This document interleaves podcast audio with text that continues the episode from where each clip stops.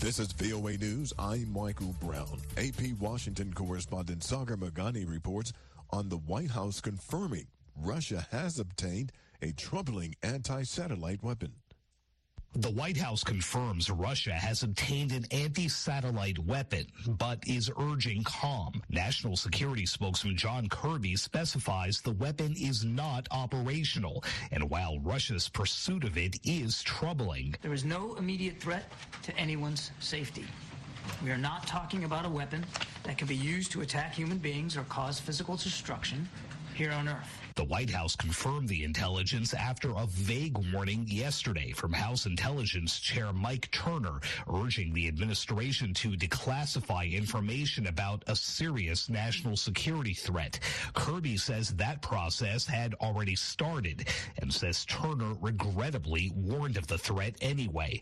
He says the White House will try to directly engage with Russia about the weapon. Sagar Meghani, Washington. Officials said Russia launched new missile attacks on Ukraine Thursday, injuring 11 people in different parts of the country. VOA's Rick Pantaleo has more. Officials in Lviv, near Ukraine's border with Poland, said three people were slightly injured there, while two schools and a kindergarten were damaged. Yurko Nazorek is the co-founder of a private school in Lviv.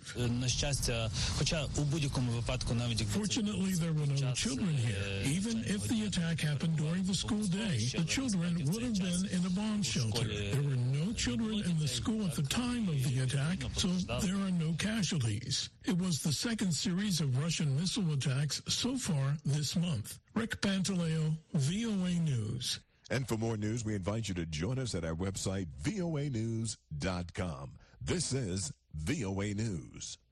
The United States does not see signs of an imminent war by North Korea, despite incredibly dangerous activities in recent months and its refusal to engage in diplomatic talks with the U.S., a top U.S. official told reporters on Thursday. Earlier this week, North Korea carried out its fifth cruise missile launch of the year, which came just days ahead of a joint U.S. Japan missile defense training exercise scheduled for next week. In Tokyo, a Japanese official issued a cautionary statement regarding North Korea's escalating capabilities. Police here in the U.S. are trying to determine who was behind the mass shooting at the Kansas City Chiefs Super Bowl celebration. We have more from correspondent Bruce Morton. Mayor Quinton Lucas says if the Chiefs win another Super Bowl, it might be better for a smaller event at their home stadium. This way, he believes security can be managed more easily. One person was killed and 22 people wounded when gunfire broke out shortly after the Chiefs left the stage at their victory rally on Wednesday. Security experts say large gatherings combined with the prevalence of guns can make for a deadly combination. I'm Bruce Morton.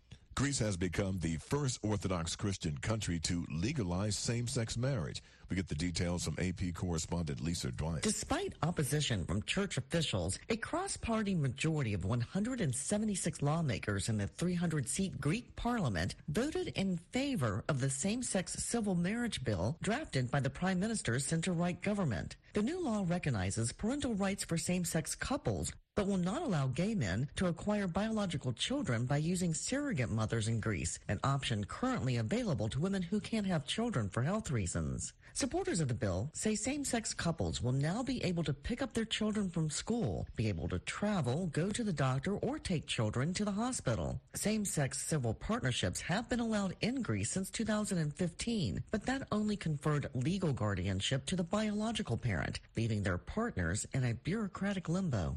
I'm Lisa Dwyer. Senegal's Constitutional Council on Thursday ruled that Parliament's unprecedented postponement of the February 25th presidential election was not in line with the Constitution, pitching the country into a new phase of electoral uncertainty.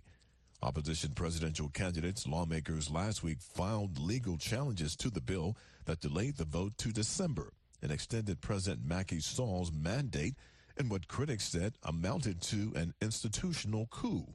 The standoff has fueled widespread unrest and raised international concerns that one of the remaining democracies in coup hit West Africa is under threat. For more news, join us at voanews.com. I'm Michael Brown, VOA News.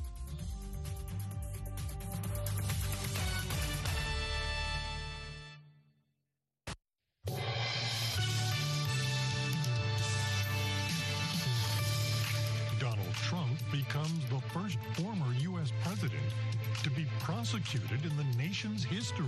Donald Trump will become the first former U.S. president to face a criminal trial, which a judge on Thursday set for March 25th.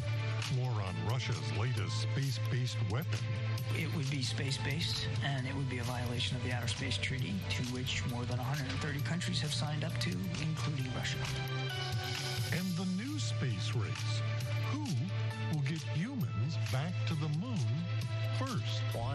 Ignition, and liftoff. Big news as we begin this week on a launch pad at Florida's Cape Canaveral. Today is Friday, February 16th, and this is VOA's International Edition. I'm Scott Walterman. Donald Trump will become the first former U.S. president to stand trial on criminal charges. On Thursday, a New York judge set a March 25th trial date and denied Trump's request to dismiss the case, which stems from hush money paid to a porn actress. Here's Reuters correspondent Alex Cohen with details. Donald Trump will become the first former U.S. president to face a criminal trial, which a judge on Thursday set for March 25th. The New York judge denied Trump's request to dismiss an indictment stemming from hush money paid to porn star Stormy Daniels. Ahead of Thursday's hearing, the frontrunner for the Republican presidential nomination repeated his claims that the case is politically motivated. They wouldn't have brought this except for the fact, no way, except for the fact I'm running for president and doing well. Trump has pleaded not guilty to the charges brought by Manhattan District Attorney Alvin Bragg, a Democrat. The 34 count indictment accuses Trump of falsifying business records to cover up the $130,000 payment to Stormy Daniels before the 2016 election. The payment was made by former Trump lawyer Michael Cohen to prevent Daniels from publicly speaking ahead of the 2016 election about a sexual encounter she had said she had with Trump a decade earlier. Trump has denied this occurred. Cohen pleaded guilty in 2018 to violating federal campaign finance laws. This will be the first of what could end up being four criminal trials Trump faces. Former federal prosecutor and McCarter and English Newark office managing partner Robert Mintz said it could be the toughest one for prosecutors to win. There's no question that from a legal perspective, this case was the worst case scenario for prosecutors to go first because it's built on a legal foundation that is largely untested. Essentially, what the Manhattan DA did is it turned what is a misdemeanor business records violation into a felony by alleging that the business records were falsified in order to conceal another crime. Now, the linchpin to that is that the other crime was a federal campaign law violation, and that theory has never been tested by any court of appeals in the state of New York to date. Even if Trump is convicted, Mintz said it was unlikely he would serve any jail time as a first time offender. Trump will be required to attend the trial every day and said he will have to campaign in the evenings as a likely November election matchup with Democratic President Joe Biden approaches. The judge said the trial could last five or six weeks, ending in late April or early May. Trump's lawyer told the judge during the hearing that it would not be fair for him to stand trial while running for president. The judge responded, quote, that's not a legal argument. I'll see you on March 25th. Reuters correspondent Alex Cohen. The uh, criminal trial of Trump is just the latest manifestation of what has been a sea change in the U.S. presidency. Joining us now to talk about this is Terry M. Moe, professor of political science at Stanford University, a senior fellow at the Hoover Institution, and author of the book Presidents, Populism, and the crisis of democracy.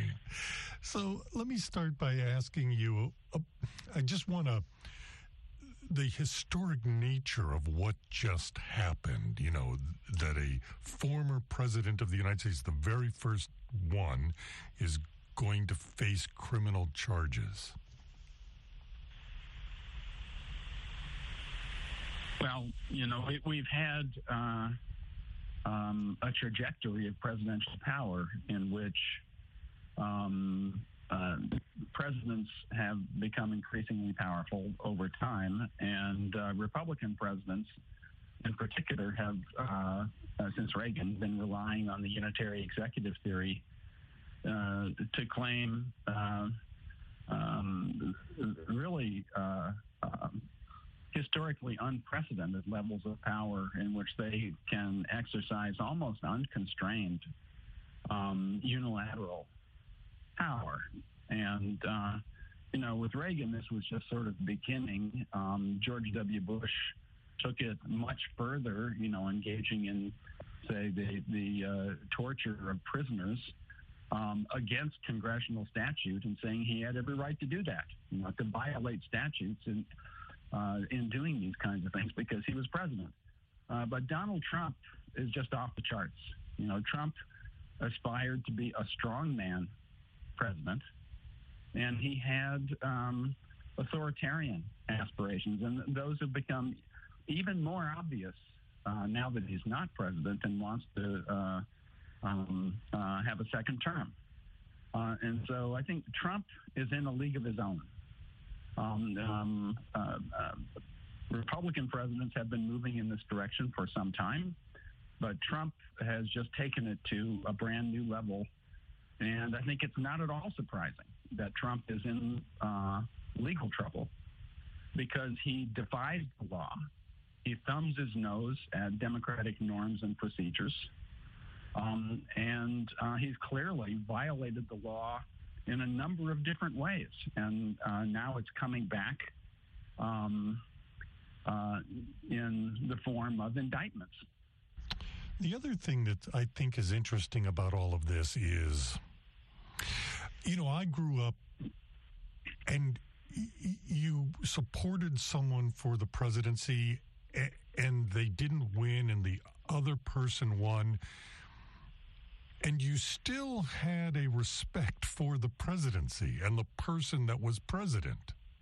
Yes. And that's gone. I mean, I saw, um, you know, if you look at social media, some of the things people say, whether they're pro Trump or pro Biden, you know, Democrat or Republican, what they now say about the person who you know, and I really remember thinking this when during George W. Bush, uh-huh. the second Bush uh, presidency, uh, where the things that people would say, I mean, it started in the Clinton presidency, but it really bubbled up during the Bush presidency where people were really nasty about it. And now, you know, the things that are said about President Biden or that were said about President Trump it's it there's no regard whatsoever for the sanctity, the dignity, the the prestige of the office. Yeah, well, more generally, I think uh, the norms of democracy have broken down, um, and the norms of civility, which are part of that, have broken down. Um, but I must say that uh, you know, well you know, there's certain certain circularity to it. I mean, you know, if one side is uncivil, then the other side side tends to be a little uncivil in return. You know, uh, but um, this whole thing is is quite asymmetric, and so. Um, since the, the, rise of populism uh, really began in the United States uh, during the 1980s and 1990s, um, there were um, uh, figures like Rush Limbaugh and Newt Gingrich who pioneered this kind of incivility and demonization of the other side as a new brand of politics. And then Fox News um, was established in 1996. Um, and there developed a real right-wing propaganda network that's filling the airwaves with disinformation and demonization. And, and it, it really is much, much, much more prevalent on the right. And this is, is now uh, at the heart of, of their political strategy. And so, in the midst of all that, politics is polarized. You know, so it's one side versus the other side. Um, and it just uh, infuses all of all of our politics. So you're right.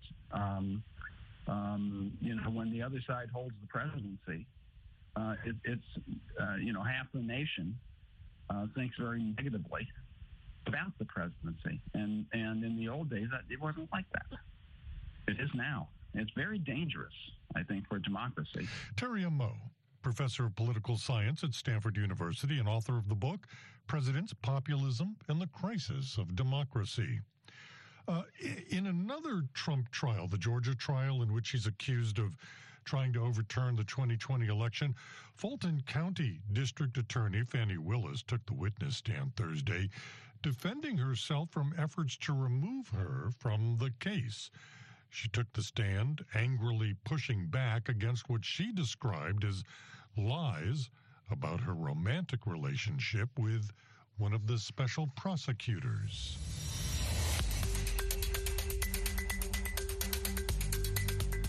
We're following these other stories from around the world. Senegal's Constitutional Council on Thursday ruled that Parliament's unprecedented postponement of the February 25th presidential vote was not in line with the Constitution, pitching the country into a new phase of electoral uncertainty. Opposition presidential candidates and lawmakers last week filed a number of legal challenges to the bill that delayed the vote to December and extended President Macky Sall's mandate in what critics said amounted to an institutional coup. Greece's parliament approved a bill on Thursday that allows same sex civil marriage, a landmark victory for supporters of LGBTQ rights. The law gives same sex couples the right to wed and adopt children. Comes after decades of campaigning by the LGBTQ community for marriage equality in the socially conservative country.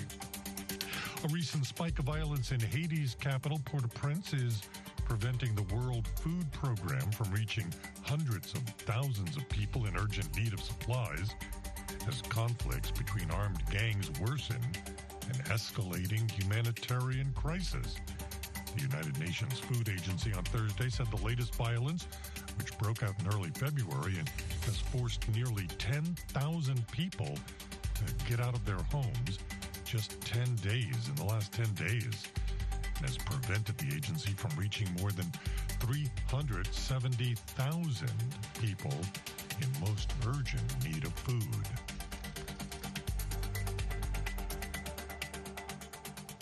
More now on a story we first brought you on Thursday a new Russian space based weapon.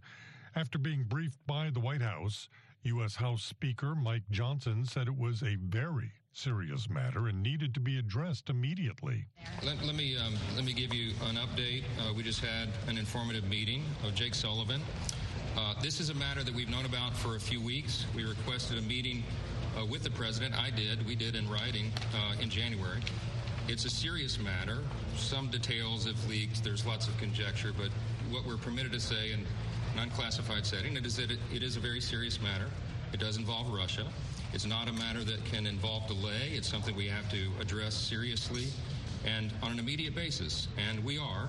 This all came to light after Republican Representative Mike Turner, who is House Intelligence Committee chairperson, said publicly that he wanted the president to declassify the information so it could be discussed. He was also at the news conference. Uh, I think the uh, Department of Defense today has indicated that what we're discussing is a Russian anti satellite weapon. Uh, I do know that the administration has the um, uh, the belief that along this way they're going to be releasing additional information about that.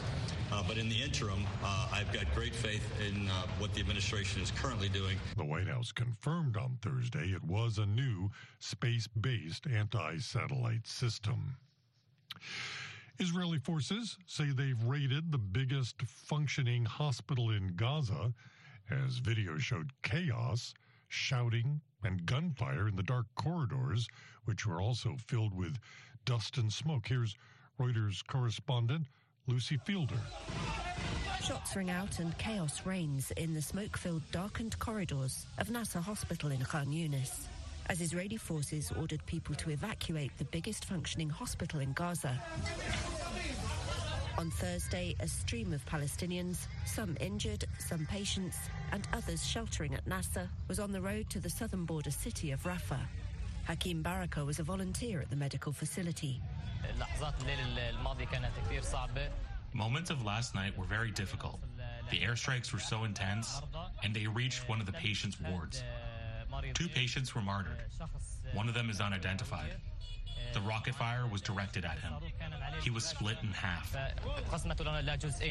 We conduct precise. Israel's military called the raid precise and limited and said it was based on information that Hamas militants were hiding at and had kept hostages in the hospital and that captives' bodies could still be there. Hamas called that lies.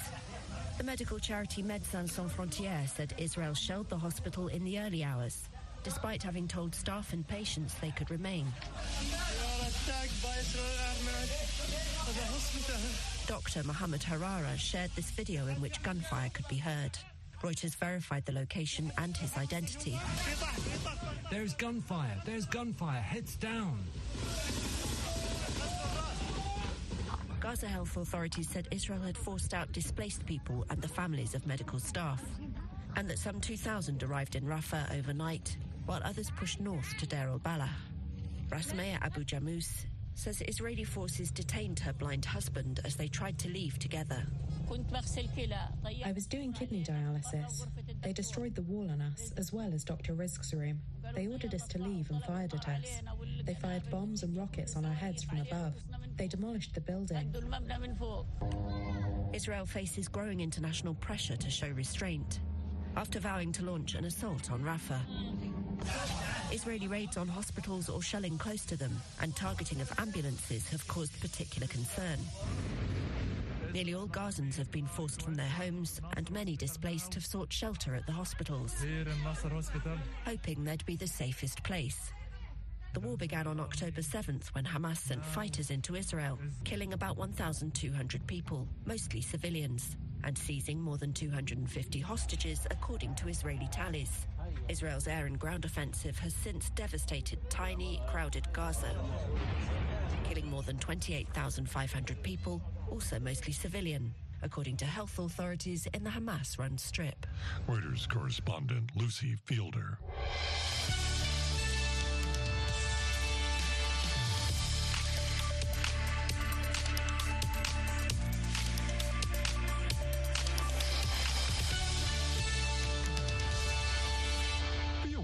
International Edition continues. I'm Scott Walterman. The United States is concerned about reports of intimidation and voter suppression in Pakistan's election.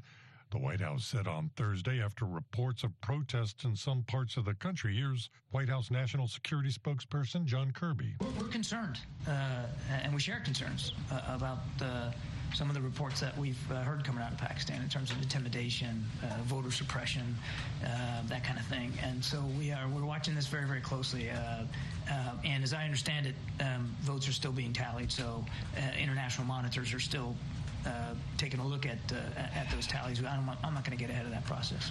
Pakistan's election last week did not return a clear majority for any one party, but independent candidates backed by jailed former Prime Minister Imran Khan won 92 out of the 264 seats, making them the largest group. One of the defining events of the 1960s was the space race. The United States and the Soviet Union locked in a battle to dominate space and get to the moon. The United States landed men on the moon in 1969, flew a number of lunar missions through the early 1970s, and no one has been back since. Now, there are a number of players going into the space business China, India, Japan, and others, not to mention the private ventures. And the two original members of the space race, the United States and Russia, both have programs to get to the moon again. And there was some action on that this week. Here's VOA's Arash Arabasadi. Ignition and liftoff. Big news as we begin this week on a launch pad at Florida's Cape Canaveral. As usual, it was private spaceflight company SpaceX doing the driving while carrying a host of NASA experiments and a very special guest. Houston, Texas based Intuitive Machines created the Nova C lunar lander. It is set to land on the same region of the moon where NASA plans to send astronauts later this decade. No private spacecraft has ever landed on the moon. If successful, the mission would see the U.S. return to the lunar surface for the first time since NASA's Apollo program came to an end more than five decades ago. This latest attempt follows a failed landing in January by Pittsburgh, Pennsylvania based Astrobotic Technology, where a fuel leak shortly after takeoff shattered hopes of a moon landing. We have engines start. Meanwhile, from the Baikonur Cosmodrome in Kazakhstan, Russia successfully launched a resupply mission to the International Space Station, or ISS. The cargo spacecraft reportedly carried food and supplies to the orbiting outpost. It was from here that astronauts from Italy, Sweden, and Turkey said goodbye to their crewmates. The trio spent nearly two and a half weeks aboard the ISS, having flown there via a commercial mission by Texas based startup Axiom Space. Before departure, Turkey's first astronaut, Alper Gezeravci, expressed gratitude for the opportunity very grateful to my uh, country on our prideful centennial. Gezeravci referencing Turkey's centennial year as a republic dating back to its establishment in 1923. Retired NASA astronaut Michael Lopez Alegria led the crew of Axiom Mission 3 aboard a SpaceX Dragon capsule as it splashed back to Earth off the coast of Florida's Daytona Beach. Gezeravci had one more stop on his adventure as he was greeted by children holding flowers in Turkey's capital, Ankara. Welcome home, Alper, and happy centennial. Arash Arabasadi, VOA News. This has been International Edition on the Voice of America. On behalf of everyone here at VOA, thank you so much for joining us. For pictures, stories, videos, and more, follow VOA News on your favorite social media platform and online at voanews.com. In Washington, I'm Scott Walterman.